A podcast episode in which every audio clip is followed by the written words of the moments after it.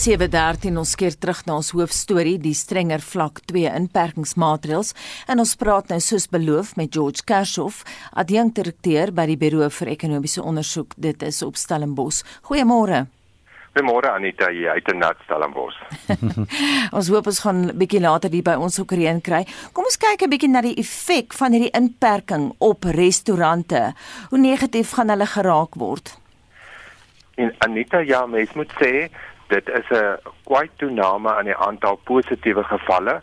Ons self by die bureau het verwag dat daar 'n derde vlaag gaan wees. Ons hoop soos baie ander mense dat dit nie so erg soos die tweede een gaan wees wat ons in Januarie gehad het nie. Um die feit dat uh die aandklokreël vervroeg is met 'n uur is natuurlik sleg vir restaurante en ander plekke uh kroë en en en so maar dit is nog in die wintertye wanneer dit vroeg donker raak, is dit daarom uithoudbaar. Ek dink die meeste mense kan daarmee saamlewe. Um maar die feit bly die regering het moes 'n baie moeilike besluit neem. Ek seker dat die mediese mense wat aanbevelings gedoen het, het vir 'n strenger um beperkings gevra, maar mens moet ook aan die ander kant die land, die ekonomie die uh, mense se oorlewing, hulle inkomste in gedagte hou en op hierdie stadium is dit seker die die beste kompromie gewees. Een ding wat natuurlik saamgaan met die restaurante en die aandklokreël vir hulle vir alles nou 10 uur saans met die restaurante al toemaak. Um, is natuurlik hierdie kwessie oor die alkoholbeperking, maar daar is nou nie 'n alkoholbeperking nie. So wynplase en drankverspreiders kan nou seker dankbaar wees hieroor. Jy is heeltemal reg, Gustaf. Ek dink ons almal het hier, veral die van ons hier in Stellenbosch het op die punte van ons stoele gesit en wag vir dit, maar dit het daarom gelukkig nou nie hierdie keer gebeur nie. Daar is ook heelwat polemiek daaroor oor of uh, die misbruik van alkohol um regtig uh jy weet die die die groot afname in gevalle in ongevalle veroorsaak het en of dit die aandklokreël is. Maar ongeag dit ek dink um, baie van die luisteraars sal ook belangstel wat wat gaan met die ekonomie in totaal gebeur. En ja ons het laas jaar 'n daling van 7% in groei gehad wat ongekend is. Ek dink in die laaste 100 jaar het ons nie so iets gesien nie. Nou ons vooruitsigte vir vir jaar is net so onder die 4% maar in die eerste kwartaal het die voorlopige data eintlik heel positief ingekom en ons het voorsien vir 'n um, derde vlaag en ook kragonderbrekings so ons dink daar is selfs 'n kans dat dit bietjie meer as 4% kan wees. So dit maak nie op vir die slegte jaar laas jaar nie, maar dit is danksy die um, uitstekende stygings in in kommoditeitspryse, die minerale en goed wat ons uitvoer. Dit is dalk ons redding en op daai manier vloei vloei fondse terug jou vraag oor die oor die restaurante natuurlik die drankbedryf die redding gaan daar kom as die inenting uitgebrei het en ons weer buitelandse toeriste kan ontvang en dit gaan nog 'n tydjie duur heel moontlik eers volgende jaar. George het jy gisteraan die idee gekry dat die president versigtig is om die ekonomie so streng in te perk soos voorheen dit is heeltemal reg. Ek uh, ek dit het ons gesien in 'n mate al in die uh, beperkings in Desember, Januarie vir jaar, um toe nie 'n volskaalse um inperking afgekondig is soos die sluiting van provinsiale grense ensovoorts nie. Ek dink hulle bly baie versigtig. Ons sien die groot skade wat die inperking ook op die ekonomie veroorsaak en ons as ekonome het nog altyd geredeneer dit is nie 'n binêre saak nie. So jy moet mense lewens is natuurlik 'n gesondheidskwessie maar daar is ook 'n inkomste in in voedsel onderwys al daai kwessies wat in ag geneem word. Um en en so ons moet nou hoop as hier nie weer 'n mutasie is nie en dat die die die um gegee dat die gesondheidswerkers ingeënt is en in minder gevaar blootgestel is dat ons hierdie keer dalk met minder beperkings kan deurkom soos uh, in Desember, Januarie en dat ons in 'n sekere mate moet leer daarmee om saam met hierdie risiko saam te lewe. En ek dink die advertensie voor het dit baie mooi opgesom en gesê weet dra jou masker, hou jou afstand, beperkie getalle bly eerder buite en sulke goed. So saam met dit en die inenting um, moet ons nou maar leer om saam met die risiko uh, saam te lewe. Ek wil net vinnig laastens vir jou vra, jy het net vinnig verwys na die hele inentingsprogram, die inentingsveld tog. En hierdie stadium mense ouer as 60 en gesondheidswerkers, maar hoe belangrik is hierdie inentingsprogram val ook vir die werkende bevolking? Ehm um, vir die herstel van die ekonomie dan. Ja, dit is uh absoluut kardinaal. Sonder dit ehm um, gaan ons nie met veiligheid kan terugbeweeg na 'n uh, uh, wil ek sê pre-COVID normaal nie. So ehm um, dit is belangrik dat dit uitgerol moet word nie al die ehm um, oponthoude word deur die regering self veroorsaak nie. Ons weet nou dat die Johnson and Johnson en inentingsstof is nog nie vrygestel in in die FSA en ons kan dit dus nie hier vrystel nie. So ehm um, dit is dit is belangrik en en dan hopelik is dan nie meer hierdie groot vla wat ons het elke 2 3 maande dat ons weer 'n opwelling en dan moet ons weer die ekonomie beperk nie. So hopelik um, kan hierdie inenting nou vinnig uitgerol word. Baie dankie en so sê George Kashoff, hy is adjunkdirekteur by die Buro vir Ekonomiese Ondersoek op Stellenbosch. Dis nou 20 minute oor 6, jy is ingeskakel by Monitor op RSG. Dis 20 minute oor 7 eintlik. Op die 31ste Mei en vandag 6 dekades gelede, op 31 Mei 1961, het Suid-Afrika 'n republiek geword na 'n volksstemming of 'n referendum op die 5de Oktober van 1960 waarin 52,29% van die witkiesers ten gunste van 'n republiek gestem het. Die republiek sou dus die Unie van Suid-Afrika vervang na 'n besluit om uit die Statebond te tree. Die premier Hendrik French Verwoerd het op 17 Maart 1961 vanuit Londen aan sy mede-Afrikaners verduidelik hoekom hy genoop gevoel het om die Statebond te verlaat. Die volgende klank is met behulp van Karen de Tooy in die SAIK se klankargief opgespoor.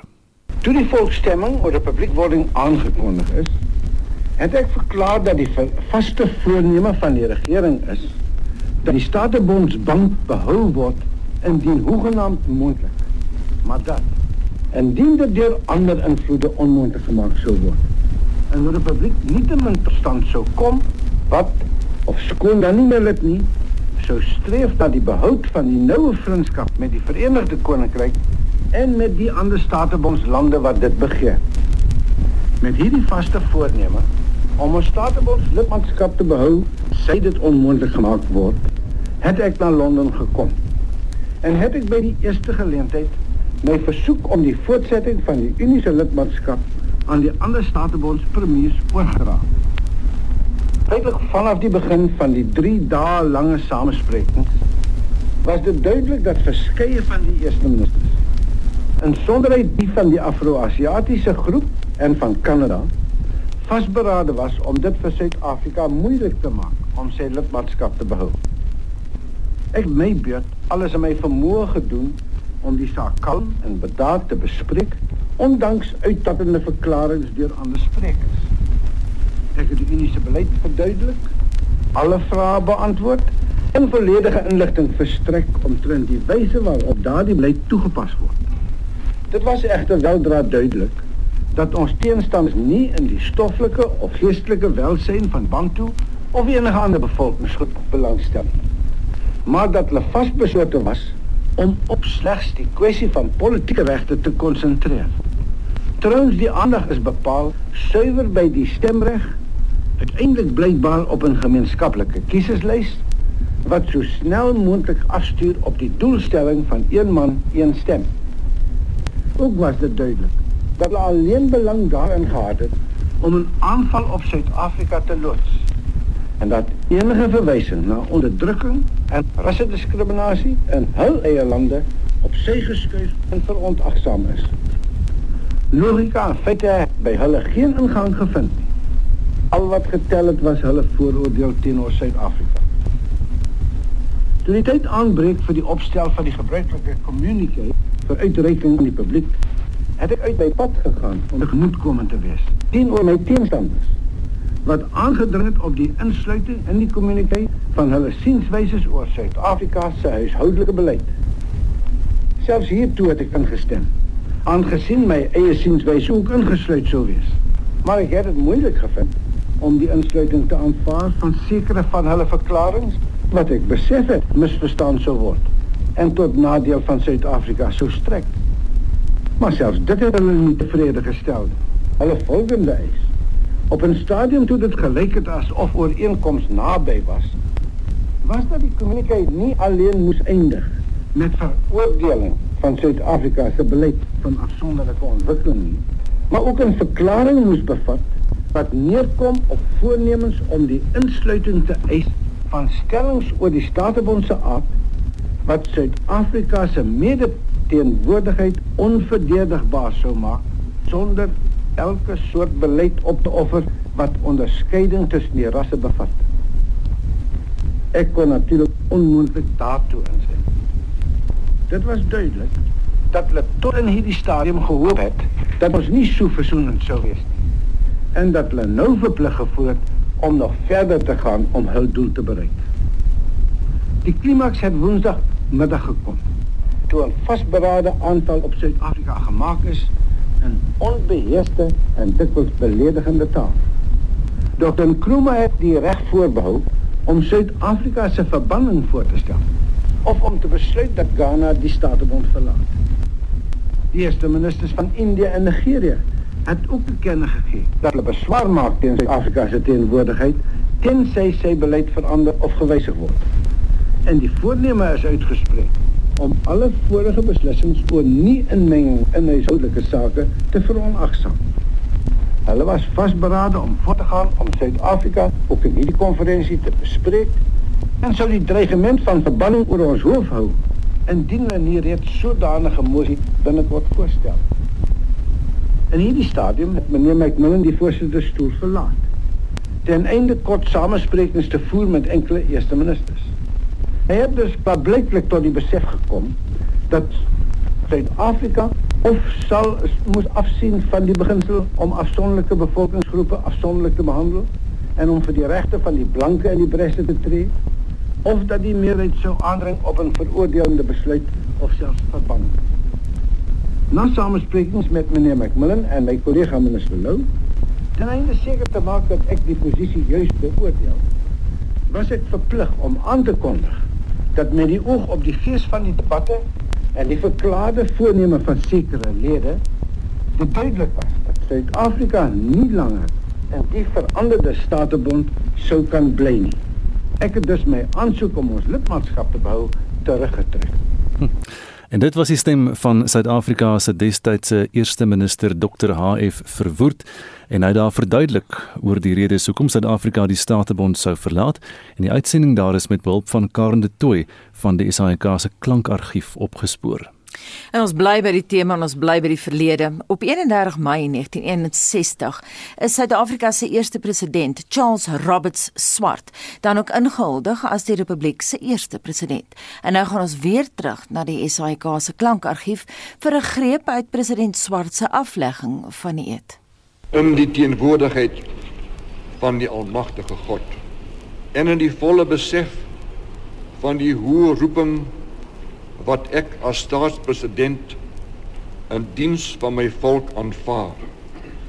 Sweer ek Charles Roberts Swart trou aan die Republiek van Suid-Afrika en beloof ek plegtig en opreg dat ek te alle tye sal bevorder wat tot sy voordeel is sal afweer wat hom kan skaad en my aan die welfaart van sy inwoners sal wy.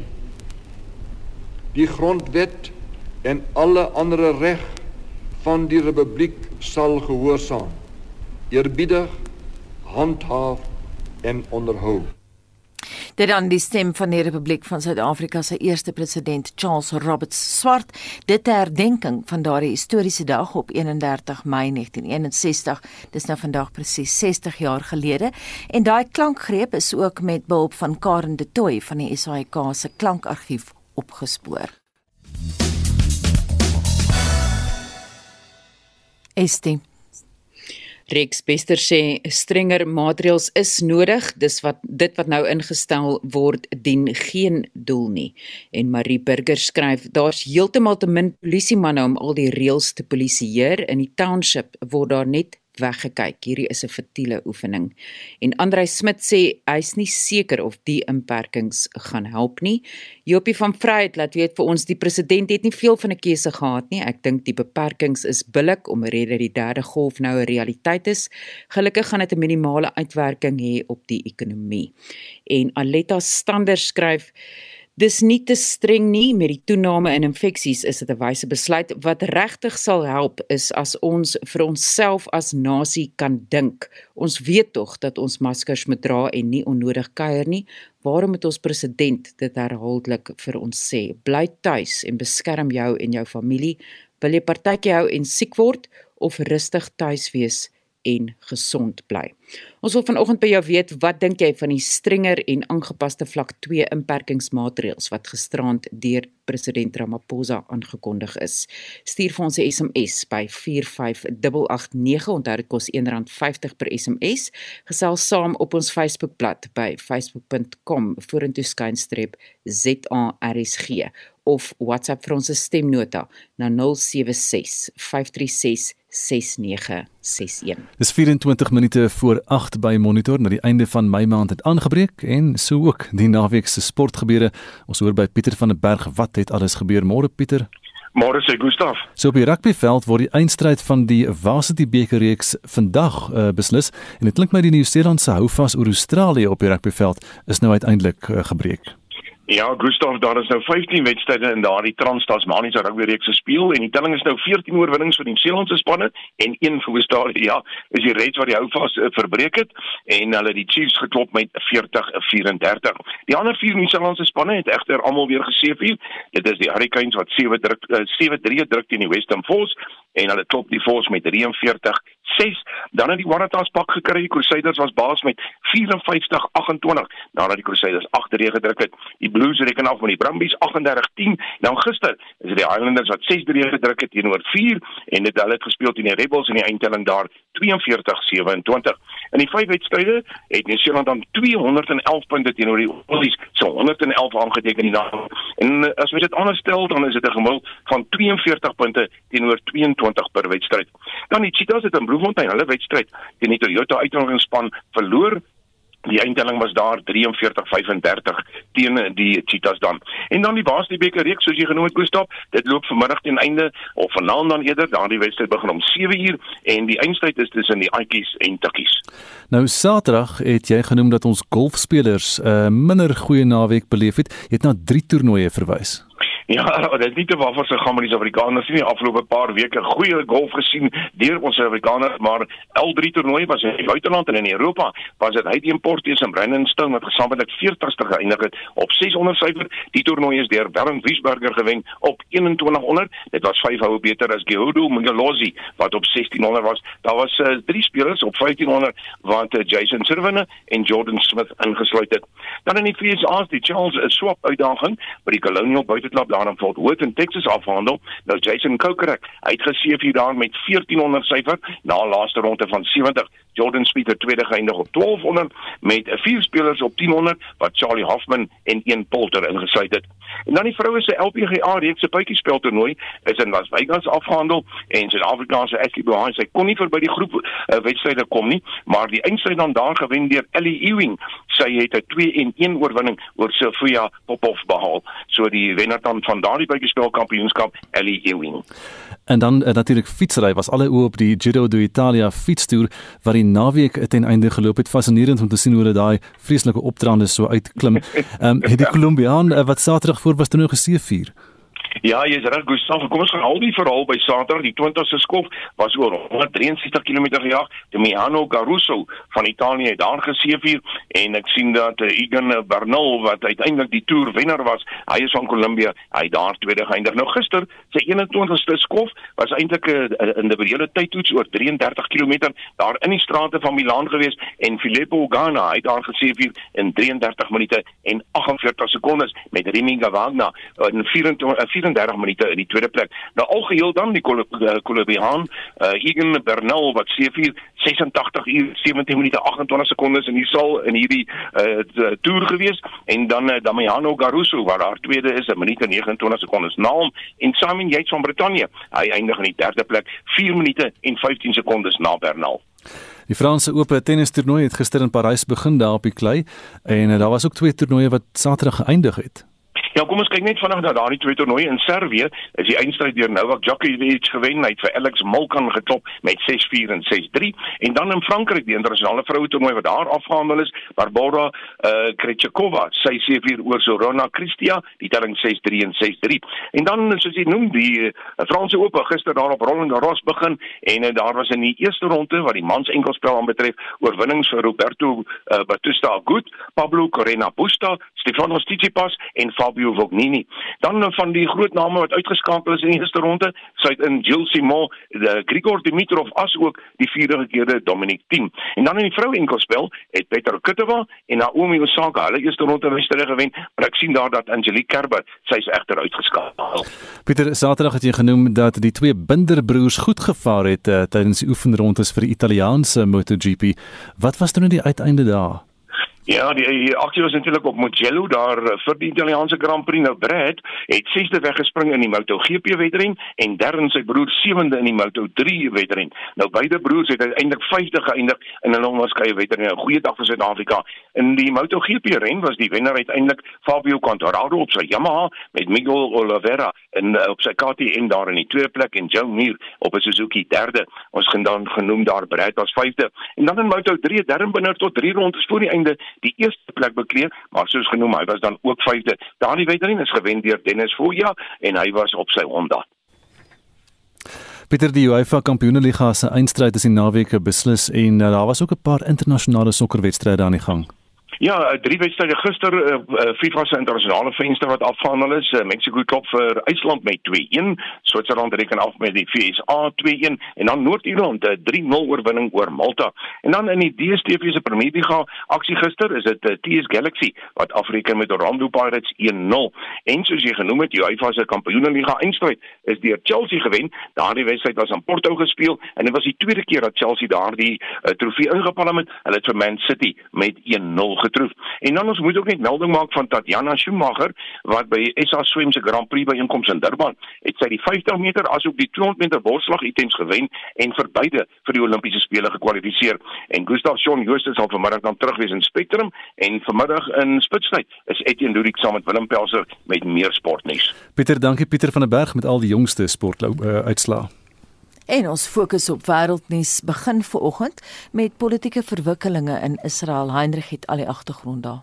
Aneta Morea, die Israeliese eerste minister Benjamin Netanyahu, veg om politieke oorlewing nadat die regse oppositieleier Naftali Bennett eh, bekend gemaak het dat hy bereid is om saam met partye aan die linkerkant van die politieke spektrum 'n regering van nasionale eenheid saam te stel. Dit kan die einde van Netanyahu se 12 jaar as eerste minister beteken en hier maak Bennett sy aankondiging met die CNN-verslaggewer Hedas Gold se ontleding daarna.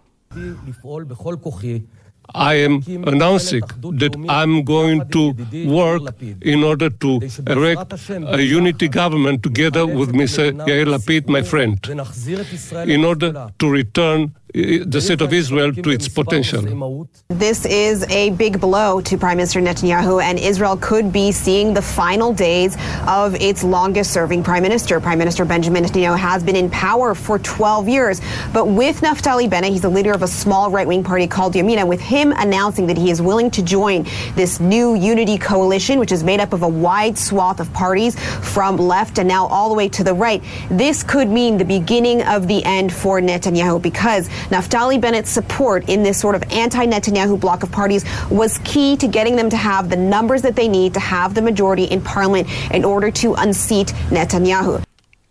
President Ramaphosa het gisteraand in sy COVID-toespraak aan sy landgenote gesê dat die Afrika vasteland poog om sy eie enstowwe te vervaardig. Nou die nuutste COVID-syfers dui aan hoekom dit so absoluut so noodsaaklik is, Heinrich. Teen gister was die totale COVID-gevalle in Afrika se so 55 lande 4 miljoen 821436 terwyl meer as 23 miljoen dosisse enstof reeds reg oor die vasteland toegedien is. Dit sluit die 960 000 Suid-Afrikaners in waarna die president ook verwys het wat nou al een dosis ontvang het. Die sterftesyfer in Afrika weens COVID staan op 130120 terwyl meer as 4,8 miljoen mense herstel het. Suid-Afrika met 1,6 miljoen het die meeste aangemelde gevalle en die sterftesyfer van 56363 is ook die hoogste. Marokko, Tunesië, Ethiopië, Libië en Kenia volg daarna. En ons bly in Afrika en fokus nou op 'n ondersoek na 'n skietery wat in November verlede jaar in die Ugandese hoofstad Kampala plaasgevind het. Ses maande later het die BBC se Africa Eye program nou bekend gemaak dat hulle tientalle video's van die skietery ontleed het en tot die gevolgtrekking gekom het dat dit regeringsmagte was wat verantwoordelik is vir die meer as 50 mense wat geskiet en gesterf het. Geskiet is en gesterf het. Dit was 'n aanloop tot die plaaslike verkiesing. Die optrede is deur die land se minister van sekuriteit generaal Ellie Tumwine geregverdig en Tumwine kan hier gehoor word na die stem van 'n vrou wat die gebeure vanuit 'n gebou aanskou het. Look at him. Look at him. Look at him. We are being shot at. We are being shot at in the building.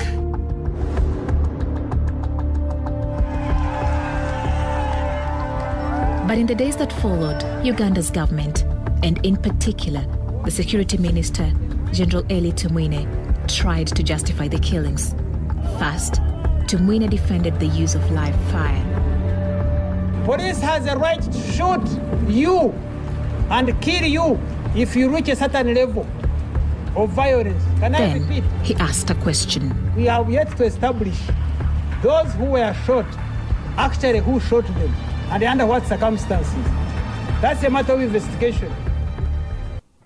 Dan nuus uit Amerika handel ook oor skietvoorvalle, maar die deur privaat aanvallers. Die stad Miami is die naweek deur twee massaskietvoorvalle getref en die nuutste voorval gister is minstens 2 persone dood en 25 gewond in 'n verbyry skietery. Dit het volgens die polisie plaasgevind nadat een persoon dood en ses ander beseer is in 'n ander voorval Vrydag toe daarop rapkonsertgangers rond, rond losgebrand is liewer. Die plaaslike polisiehoof noem vuurwapengeweld 'n openbare gesondheidspandemie. En intussen het die polisie in Kalifornië bekend gemaak dat die man wat pas daar 9 kollegas by die plaaslike spoorwegstasie doodgeskiet het, het 12 vuurwapens en 25000 rondes ammunisie in sy huis geberg wat hy self laat opblaas het na sy moordtog. En dan Hendrik na die neerdrukkende nuus sluit ons af met raad aan mense wat van COVID-19 herstel het. So dit is bekend uh, dat mense wat COVID opgedoen het en daarvan herstel het agterna neeweffekte soos asemhalingsprobleme ervaar. Uh Tai Chi instrukteur Paul White van Derbyshire in Engeland het nou besluit om sulke mense te help met tegnieke waardeur hul asemhaling vergemaklik kan word en hy doen dit gratis. Kom ons luister nou na hom uit 'n video-insetsel op die bbc.com webwerf. An oxygenated body is a very, very healthy body. Breathe in. One, two, three, four, five. Every one of us walks around and we don't even think about a breath. If we take a good lungful of um, air in, around 21% of that air is oxygen. Most people, when they breathe in normally, they'll try and breathe in and inflate their chest. What we're going to do is we're going to work out on our tummies. So if you notice um, when you see me breathing in, you'll see my tummy is actually rising. And that'll rise for a count of three, and then it'll lower back down for a count of three. En nou ja, daai wêreldnuusverslag het Hendrik vanoggend uh, vir ons versorg. Dis nou so 12 minute voor 8 jy's by monitor op RSG nat. Winderige en koue toestande word eh, vanaf vandag oor groot dele van die land verwag met sneeu op die Drakensberg. En ons praat met 'n senior weervoorspeller van die Suid-Afrikaanse weerdiens hier oor dis Quentin Jacobs. Quentin goeiemôre. Goeiemôre. Wat veroorsaak nou hierdie koue front? Wel kyk dit is almal weet winter begin amptelik môre so ons ons moet al bietjie van hierdie koue fronte begin sien. So wat gebeur is as uh as ons winter ingaan skuif die son meer na die noordelike halfrond toe en al die weerstelsels skuif saam met dit. So die koue fronte wat gewoonlik suid van die land verbykom, is nou 'n bietjie meer noord en hulle begin nou ons beïnvloed so die winterreënvalgebied uh kry so kry so hulle hulle reën. So dit is dit is maar die normale ding vir hierdie tyd van die jaar. So dis interessant en dan kom 'n bietjie meer oor die land in. Hoe wyd gaan gaan dit voorkom?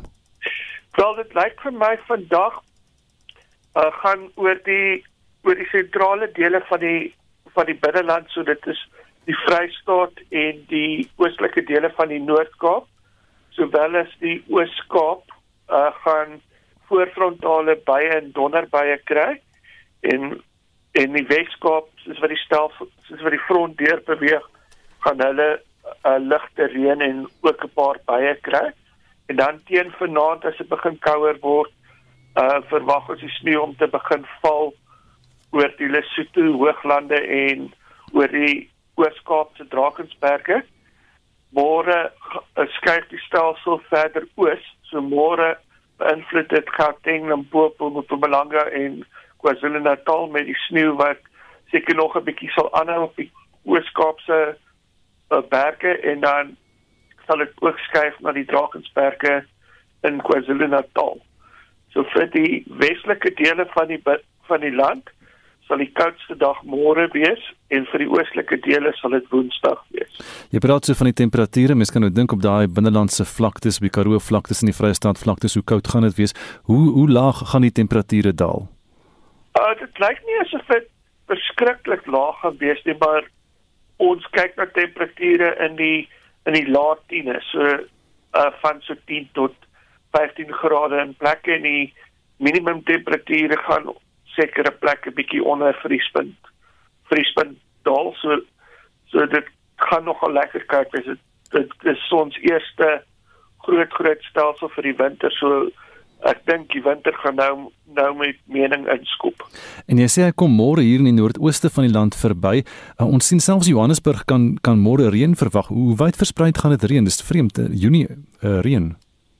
Wel, môre se reën gaan basies hele Gauteng, die suidelike dele van uh Limpopo en die hele Mpumalanga en die hele uh uh KwaZulu-Natal en ook in die oostelike dele van die uh, van die Oos-Kaap met redelike noemenswaardige reën daar langs die Wilde Kus.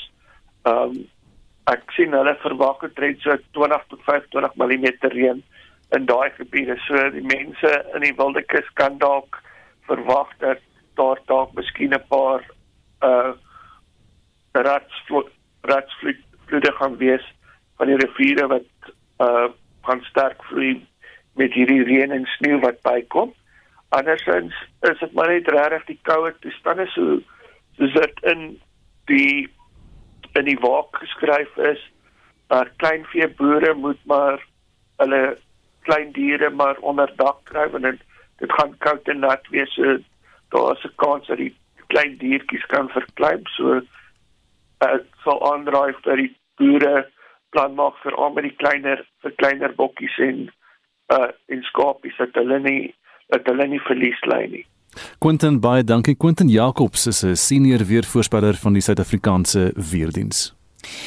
Die Ekwadoriaanse regering het aangekondig dat 'n reuse skilpad wat wetenskaplikes aangeneem het 100 jaar gelede reeds uitgesterf het, springlewendig op die Galapagos eilandgroep gevind is.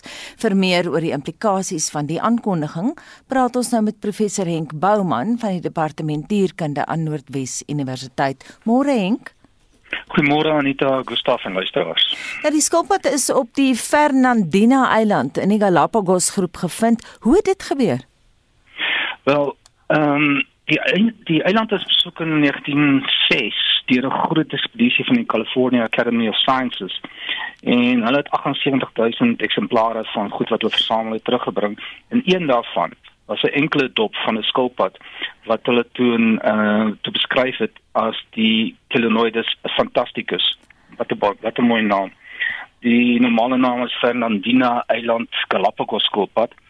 Maar ehm um, dis die laaste keer wat van die van hierdie dier gesien is. En toe in 2019 het die Yale Universiteit het ehm um, enetjie versamel daarso. Uh 'n uh, uh, wyfie, sy lewe nog uh en word nog hou daarso. Ehm uh, en die DNA's vergelyk met die 193 dop en dit is ook om dalk so 'n bietjie langer gevat het as wat mense verwag het uh om die uh, uitslae te kry. Mm. Intussen het hulle ander ehm um, bietjie opnames gaan doen en van ekskreta het hulle bepaal dat daar waarskynlik nog van hierdie spesies leef. Die enige wat hulle versamel het is dink hulle is 80 tot 100 jaar oud. Sjoe, jy sê nou die naam is vir jou so mooi. Kerenoides fantasticus. Hoekom daai ja. naam? Hoe kies wetenskaplikes hierdie name? Word dit vernoem na mense wat die goed vind? Ehm um, dit is 'n soort van lukraak. Dit is maar soos jy ehm um, op uh, op goed afkom. Jy weet baie keer wil jy dit vernoem na iemand uh, en as dit vernoem na iemand die persoon wat dit versamel die eerste keer ehm um, en dit is Rollo Beck. Hy het self 3 of 4 spesies wat na hom vernoem is. Met ander woorde uit erkenning uit gee jy dan name. Ehm um, hoe hulle presies by fantasties uitgekom het, weet ek nie, maar dit is fantasties in elk geval. nou dan gaan 'n ekspedisie geloods word denk ja. om nog skilpaaie op die eilandgroep te vind, maar dit is nie 'n maklike taak nie, gegee die vulkaniese aard van daai gebied. As mense dit nou gaan Google, dan hmm. sien jy. Ja. Ja, Fernandina Eiland is nogal redelik onbegaanbaar. Ehm uh, kyk die eilandgroep is vulkanies, volledig vulkanies. Uh die oudste eiland daar is 3.2 miljoen jaar oud wat relatief jonk is en Fernandina is maar net 'n prille jeugtige 700 000 jaar. En dit is 'n skei van die ehm um, eiland uh, net reg langsaan. Ehm uh, die seestroom baie sterk seestroom. En en dit is net die eilande 5 km van, van mekaar af maar ehm um, toegang tot die eiland is beperk as gevolg van die onherbergsaamheid en dan ook die, die vulkaniese aktiwiteit. Ehm um, en uh, dit maak dit dus moeilik om uh, ekspedisies te loods. Dus ek sien nogal uit na die ekspedisie wat in die tweede helfte van die jaar afskoop. Ja, ons sal daai storie dophou, maar intussen kom ons praat oor die biodiversiteit van Galapagos ja. wat mm -hmm. vir altyd natuurlik aan Charles Darwin gekoppel sal wees en is ook 'n UNESCO wêrelderfenisgebied. Ja, dit is uh, dit is 'n fantastiese plek en mense kan gaan uh en bietjie gaan kyk daarso. Ehm um, die eilandgroep is reg op die ewenaar en dit is ongeveer 600 km wes van ehm um, uh van Ecuador self af. En ehm um, die die die verstommende daarvan is dis 'n klomp verskillende eilande, 13 groot eilande wat wat nou hierdie archipelago of archipel ehm um, uitmaak en die eilande is geskei van mekaar soos ek gesê het. En op elkeen van die eilande het ehm um, het spesies apart ontwikkel van dieselfde oorspronklike spesies af. Uh Darwin byvoorbeeld ehm um, toe hy nou die vinke sy beroemde Darwin vinke versamel het, het hy uit nie eens geworry of verbader om die ehm um, versamelplekke, die versameleilande van hierdie vinke op, op te teken. En dit is net een groot groep vinke. En eers later hulle agterkom hoorie maar hier verskil dit is nie goed en hulle het almal afgestam van een oorspronklike vink wat aangekom het daarso of paar oorspronklike vinke wat dan aangekom het daarso. Maar um, net soos met die vinke en net soos met die uh, skilpaaie is daar ook flaminke, malgasse, albatrosse, kormorante, hierdie is dan die vluglose kormorante, hulle klein vertjies. Ehm um, en dan selfs swemmende wane in 'n pikkewyn spesies en heel wat ander goed en dis dis 'n verstommende ehm um, ek moet sê oefening in biodiversiteitsvorming uh wat daar plaasgevind het dit, dit is absoluut ongelooflike plek daai Ja, ek hoop jy kry nog gegaan soontoe. Baie dankie daai insette dan van professor Henk Bouman, hy is van die departement dierkunde aan Noordwes Universiteit. Ons luister vir oulaas na stemnotas. Attie van Skynstreef hier. Oral waar ek gaan in die woongebiede waar ek fietsry, Niemand dra maskers nie. Op my eie plaaslike klein skynstrif, niemand dra maskers nie en daar's altyd 'n verskoning hoekom hulle dit nie kan doen nie. Daar's mense wat dit klaar gehad het en daar's mense wat nie omgee nie. Daar's mense wat sê die ding bestaan nie. Ek dink vlak 2 is 100% korrek. Ek is aangenaam verras. Ek dink dit is heeltemal te lig. Ek het verwag waarskynlik kan ons teruggaan vlak 3 toe en dat ons selfs die skole vir ten minste 2 na 3 weke sou kon sluit. Dit het nie gebeur nie. So kom ons kyk maar of dit enige effek gaan hê. Ek stem met saam. Die president moet eintlik gesê het ons moet na level 3 toe gaan. Mense wil ook nie luister nie. Hulle groet nog mekaar, drukkies, swinkies. Hulle doen nie social distance nie. Hulle dra nie hulle maskers nie. As jy praat dan word hulle kwaad vir jou. Ek was in checkers gewees, geen social distance nie. Baie dankie vir al jou terugvoer oor hierdie nuwe aangepaste vlak 2 inperkingsmaatreëls wat nie veel is nie, maar dit is 'n aandklokreël wat 'n uur vroeër is, so tussen 11 en 4 eh, en dan restaurante wat teen 10 uur die aantal moet toemaak en uh, meestal dan die beperking by mense wat by inkom binneplekke 100 250 mense buitenshuis. Onthou vorige uitsendings van Monitor Spectrum naweek aktueel kommentaar en fin fokus is op RC se webblad as 'n potgooi beskikbaar gaan na www.rc.co.za. En so kom ons aan die einde van vanoggend se monitor. Ons redakteur en waarnemende uitvoerende regisseur is Wessel Pretorius. Ons produksieregisseur vanoggend Daitrin Godfrey. Baie dankie vir die saamluister. Ons is môreoggend om 6:00 terug. Onthou hitsmerk cover up en uh, dra daai masker maar die hele tyd. Um, ek is Gustaf Vreiden. En my naam is Anita Visser en Anne Marie sit gereed om die 8uur nuus vir ons te lees.